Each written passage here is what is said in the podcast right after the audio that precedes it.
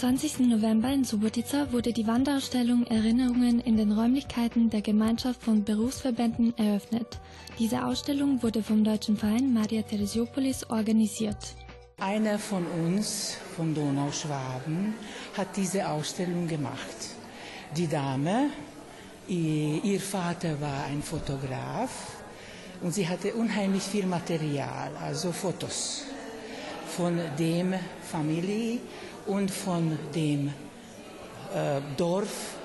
Sie stammt aus Brestovac und äh, deswegen hatten wir eine Idee, so eine Ausstellung machen, was über uns etwas sagt, dass wir es zeigen können, wie wir damals lebten, unsere Ahnen, unsere Großväter und Großmuttern.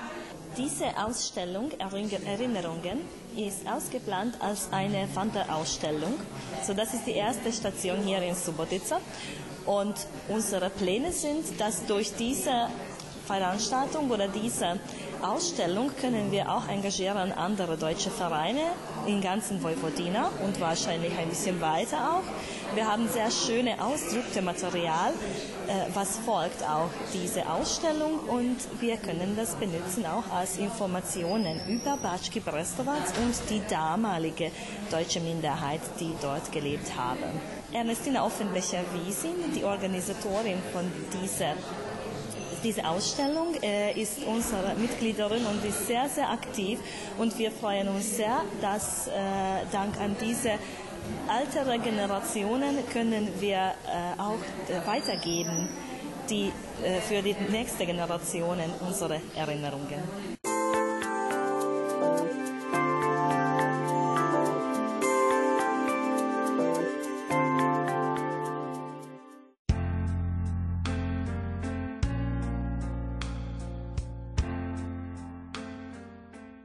Kollegen aus Bozen von Reich Südtirol haben im Rahmen ihres Aufenthaltes in der Vojvodina die deutsche und die ungarische Redaktion der RTV besucht. Sie tauscht mit unseren Kollegen ihre Erfahrungen aus und sprachen über die Lage der Minderheiten in Südtirol und in der Vojvodina. Vor ihrem Besuch bei RTV waren sie zu Gast in Sombor beim deutschen Verein St. Gerhard und in Apatin. Seit wann existiert Ihre Sendung und wie heißt Ihre Sendung? Also die Sendung heißt MINET, das ist äh, eine Abkürzung für das Minderheitenmagazin auf Rai Südtirol und die gibt es mittlerweile seit 15 Jahren. Und seit 15 Jahren äh, berichten wir über Minderheiten in breitestem Sinn. Wir reisen durch Europa und äh, schauen uns die verschiedensten Situationen von Minderheiten, äh, Völkern, äh, Kulturen und, und, und sprachlichen Minderheiten an. Es ist nicht nur der Verlust von persönlichen Beziehungen, auch die sorbische Kultur, die Sprache und die Tradition gingen mit dem Abbruch der Dörfer verloren. So wie Grötsch gibt es viele Orte in der Niederlausitz, die dem Tagebau weichen mussten. 1924 begann der Abbruch der Dörfer durch die Braunkohlebetreiber. Das Recht auf Energiegewinnung stand über dem Recht auf Heimat. Gemeinsam wird die Sprache nun bewusst gepflegt. Neben den Treffen im Verein gibt es bilingualen Unterricht in Schulen und Gymnasien. Es gibt Vertretungen der Domowina in vielen Dörfern. Es gibt die aktive Pflege der Traditionen in Heimatmuseen.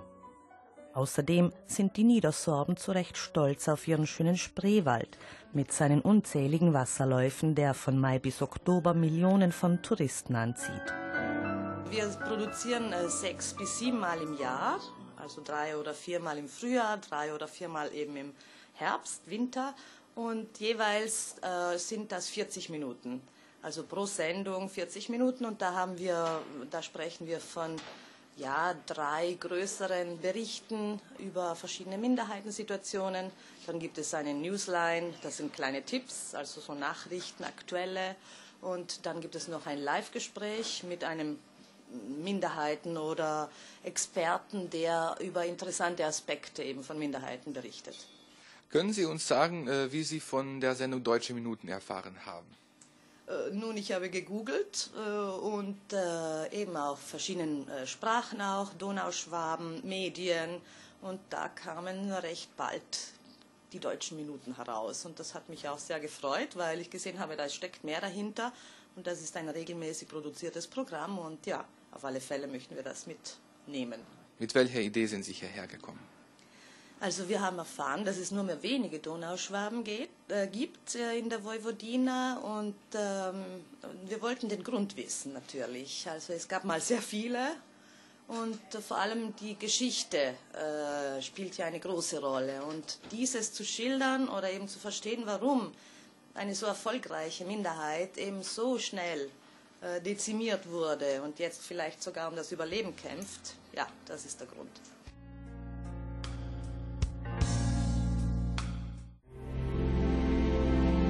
Gledate paletu. Izbor iz emisija na jezicima nacionalnih zajednica.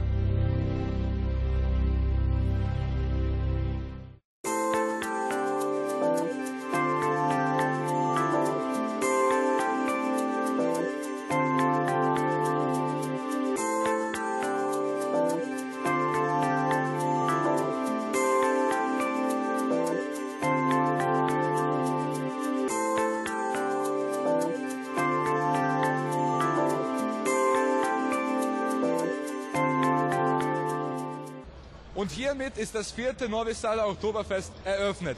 O Zaptis!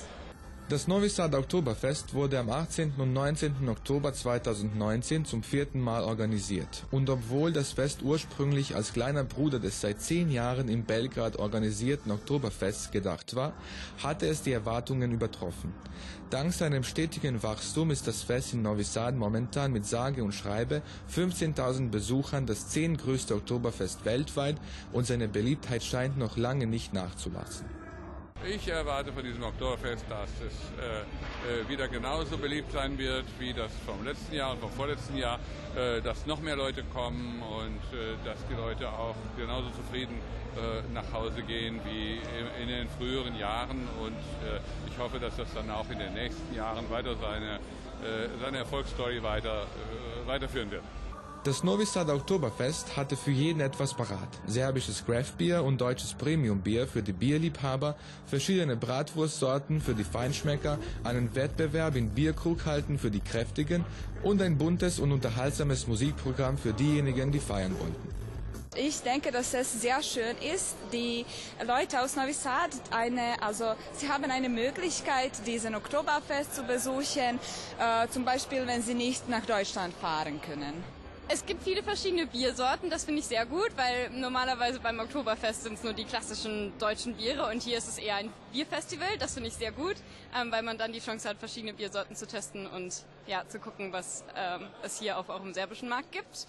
Und die Musik ist sehr gut, die Stimmung ist gut soweit. Ja, ich finde es schön, dass auch unsere Traditionen nach Serbien kommen oder wie wir heute erfahren haben, auch in die Türkei. Und es ist ein tolles Fest, was man überall feiern kann. Und ja, mich freut es, wenn es äh, auch außerhalb vom deutschsprachigen Raum stattfindet. Ja, ich finde das auch so schön, weil es so ein kleines Stück Heimat ist, das ich halt jetzt hier irgendwie erleben darf. Und ich finde, es ist ein schönes Fest, das man überall auf der Welt feiern kann. Dobrodošli na četvrti Novosadski Oktoberfest. Meine Damen und Herren, sehr geehrter Herr Bürgermeister, sehr geehrte Vertreter aus der Regierung der autonomen Provinz der Vojvodina, das Novi Sad Oktoberfest hatte für die Redaktion der Deutschen Minuten jedoch auch eine andere Bedeutung. Mein Kollege Denis Kovacic und ich wurden nämlich damit beauftragt, als Moderatoren des Fests das Programm zu leiten. Wir sind hier beim Novi Sad Oktoberfest zum ersten Mal auch als Moderatoren der, des Programms. Und äh, was sind deine Eindrücke? Ja, äh, also es ist auf jeden Fall eine bisschen stressige Situation, um da anzufangen. Aber in dem Moment, wenn ich äh, auf die Bühne gehe, dann ist äh, das einfach weg. Dann konzentriere ich mich halt einfach nur auf meine Aufgabe und versuche halt alles aus mich selbst herauszuholen und ja, die bestmögliche Performance auf der Bühne zu liefern und die Menge auch wirklich zu unterhalten. Das war quasi ein Sprung ins kalte Wasser. Diesen Sprung habe ich gewagt, zum Glück, denn so kann ich mich ausprobieren in einer, ja, sozusagen scharf geladenen Situation und dann gleich sehen, wie es zur Sache geht. Und ich glaube, das ist dann auch die bestmögliche Erfahrung, die man machen kann als Journalist. Und was denkst du darüber? Ja, ich finde es auch. Also für mich ist es ganz neu, aber überraschenderweise bin ich überhaupt nicht nervös. Ich fühle mich wohl und gut. Und äh, die Szene, die Bühne äh, ist eine wirklich sehr, sehr äh, gute Erfahrung für mich. Ich denke, es wird auch für uns sehr nützlich sein, äh, vor allem weil wir viel vor Kameras tätig sind und Interviews machen. Und ich denke, dass wir nur das Beste von dem Oktoberfest mitnehmen werden. Und das ist eigentlich eine Ehre für uns, dass wir äh, das Programm hier moderieren konnten, auf Deutsch und auf Serbisch.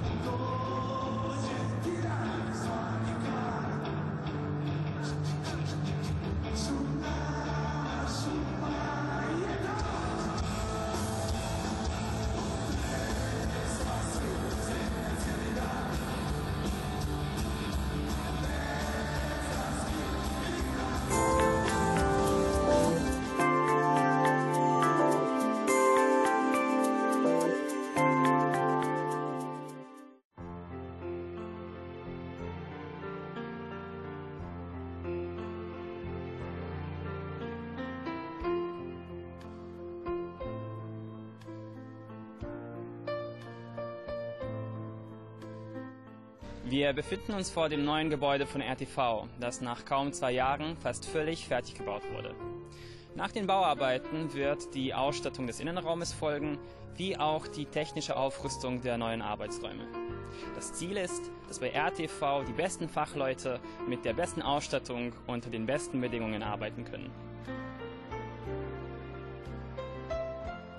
Genau hier stand einst das schöne und beliebte Gebäude von TV Novi Sad, wo ich Ende 70er Jahre meine journalistische Karriere begonnen habe.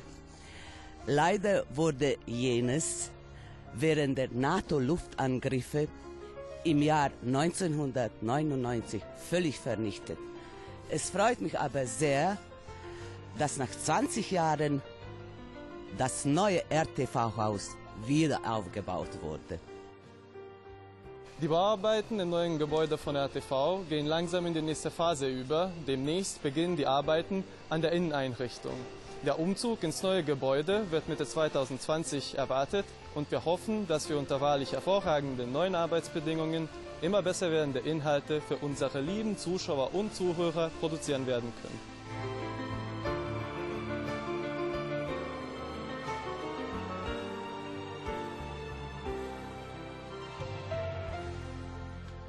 Das wird eines der modernsten Rundfunkgebäude in der Region sein. Hier sollen dann sowohl die Fernseh- als auch die Radiosendungen produziert werden. Unsere kleine Redaktion wird am nächsten Jahr natürlich hier die Fernseh- und Radiosendung Deutsche Minuten produzieren. Und jetzt hören wir die Erinnerungen eines der ehemaligen Direktoren von RTV.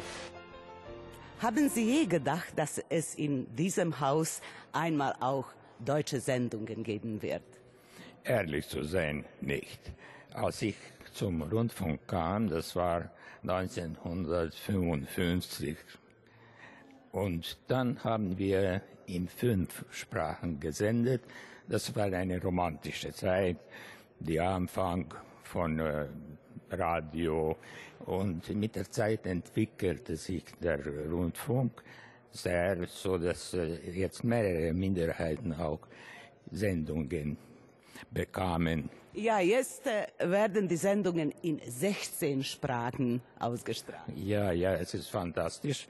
Und äh, ja, äh, das war früher, äh, also man könnte Radio Novi Sad überall in Europa hören. Da der Äther, der Äther war noch rein, nicht so, ähm, nicht so voll mit Frequenzen wie heute.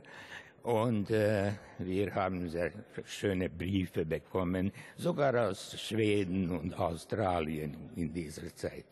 Jetzt äh, nach der UKW-Technik äh, gehört man nicht so weit, Radio Novi Sad, aber die Technik entwickelte sich und die Sendungen sind jetzt technisch viel besser als dann. Haben Sie schon das äh, neue Gebäude von RTV gesehen?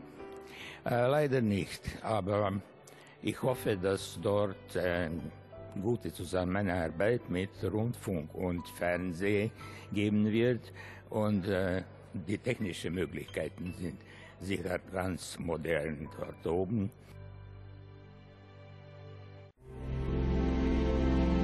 Gledate paletu. Izbor iz emisija na jezicima nacionalnih zajednica.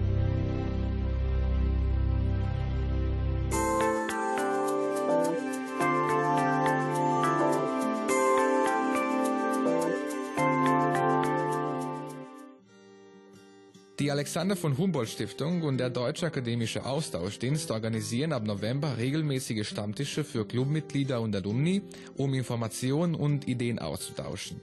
Der DAAD-Stipendiaten- und Humboldtianer-Club in Novi Sad wurde vor etwa 20 Jahren gegründet und dank seines langjährigen ehemaligen Präsidenten, Professor Dr. Miroslav Georgievich, werden sich jetzige und ehemalige Stipendiaten versammeln. Ich vermute, dass wahrscheinlich Leute nicht alles, aber sollten wissen, dass seit ungefähr 20 Jahren äh, neben Uni oder, oder unten äh, Uni äh, Novi Sad, äh, wir haben eine äh, Stiftung, eine Organisation von ehemaligen Stipendiaten.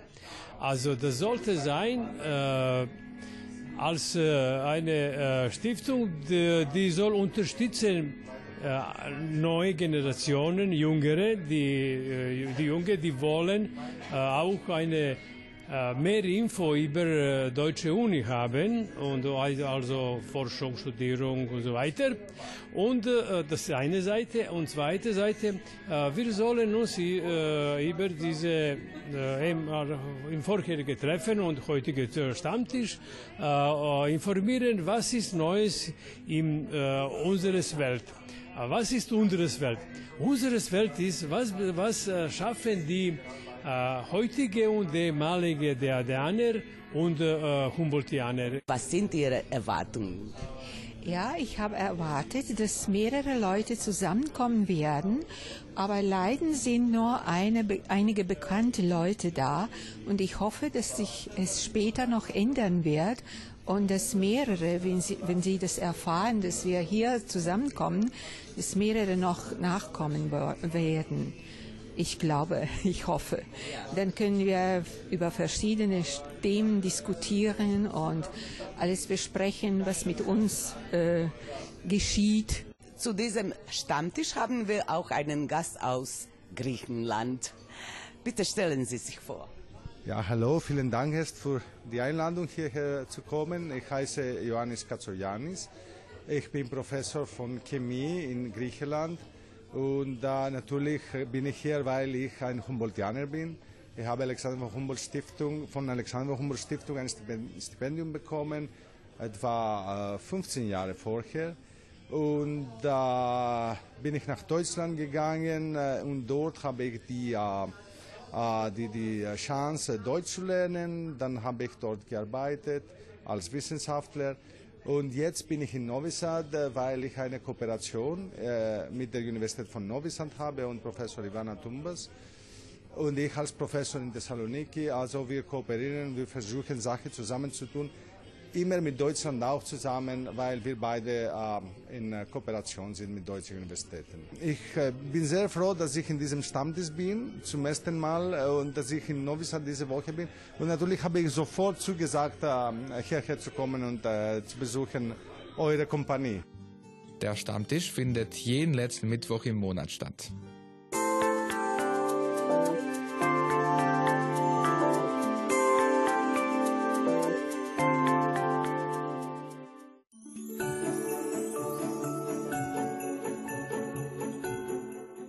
Im Januar 2019 waren wir zu Besuch bei Herbert Thyssen und Zsuzsanna Zirkel, einem deutsch-ungarischen Ehepaar aus Besdan. Sie haben uns davon erzählt, wie sie das Schicksal im reiferen Alter zusammengeführt hat, obwohl sie davor zwei unterschiedliche Leben lebten, in zwei unterschiedlichen Ländern wohnten und zwei verschiedene Sprachen sprachen. Herbert und Zsuzsanna waren äußerst gastfreundlich und haben uns nach den Dreharbeiten auch ein traditionelles deutsches Dessert angeboten, das Rumtopf genannt wird, mit dem im deutschen Kulturraum die Weihnachtszeit versüßt wird. Wir wussten, hier muss wieder die Kamera her, damit auch Sie, liebe Zuschauerinnen und Zuschauer, erfahren können, wie der Rumtopf zubereitet wird. Und wer weiß, vielleicht wird er von nun an auch ihre Weihnachtszeit versüßen. Das ist ein echter deutscher Rumtopf. Den haben meine Großeltern, Urgroßeltern und meine Eltern. Und nun habe ich diese Ära fortgesetzt und habe diesen Rumtopf nach Serbien gebracht. Und wie soll das man vorbereiten? Dieser Rumtopf, den beginnt man im Grunde genommen im Frühjahr, wenn die ersten Erdbeeren kommen. Also mit Erdbeeren, das sind die ersten Früchte, die im Grunde genommen kommen. Die setzt man in dieses Glas und gießt dann eine halbe Flasche Rum auf. Und mit jeder neuen Frucht kommt dann auch wieder frischer Rum dazu. Und den lässt man dann stehen und dann kommt ein, auf fünf Liter kommt ein Löffel Zucker. Denn diese Nur Früchte. ein Löffel. Nur ein Löffel. Denn diese Früchte haben so viel Fruchtzucker, dass der Rumtopf dies nicht braucht. Der braucht keinen Zucker. Und wenn die Früchte nach oben kommen, so wie jetzt, dann ist der Rumtopf gut. Und dann serviert man es so. Und dann kann man ihn abschütten mit einem, ja, richtig, und kann ihn dann so servieren, richtig. Für Gäste oder für, vor allen Dingen für liebe Gäste, wo ich das auch gerne mache. Ja. Ja, und wir haben als Kinder im Grunde genommen ja früher keinen Rumtopf gekriegt, deswegen vielleicht eine kurze Geschichte dazu. Wir haben dann von unseren Eltern, wenn der Rumtopf fertig getrunken war, diese Früchte haben so viel Alkohol, dass man die am besten nicht isst. Denn da wird man dann so schnell betrunken von, dass es nicht gut wäre, diese Früchte zu essen. Und wir haben dann diese Früchte von unseren Eltern bekommen und haben die an die Nachbarschaft weiter verfüttert, aber nicht an Ja. den Nachbarn, sondern an die Hühner des Nachbarns weiter Mensch. verfüttert. Und Hühner fressen sowas unheimlich gerne. Und Die Hühner der, ganz der, der Nachbar, der, richtig, die werden betrunken und fallen von der Stange runter. Oh. Die fallen von der Stange und quäken dann ganz erbärmlich. Das hört sich also ganz schlimm an. So. Und, und liegen dann alle und der Nachbar wusste gar nicht, was mit seinen Hühnern war. Die waren alle betrunken. Ja. Und jetzt sehr zum Wohle. Zum Wohl. Ergeschickt. Ergeschickt.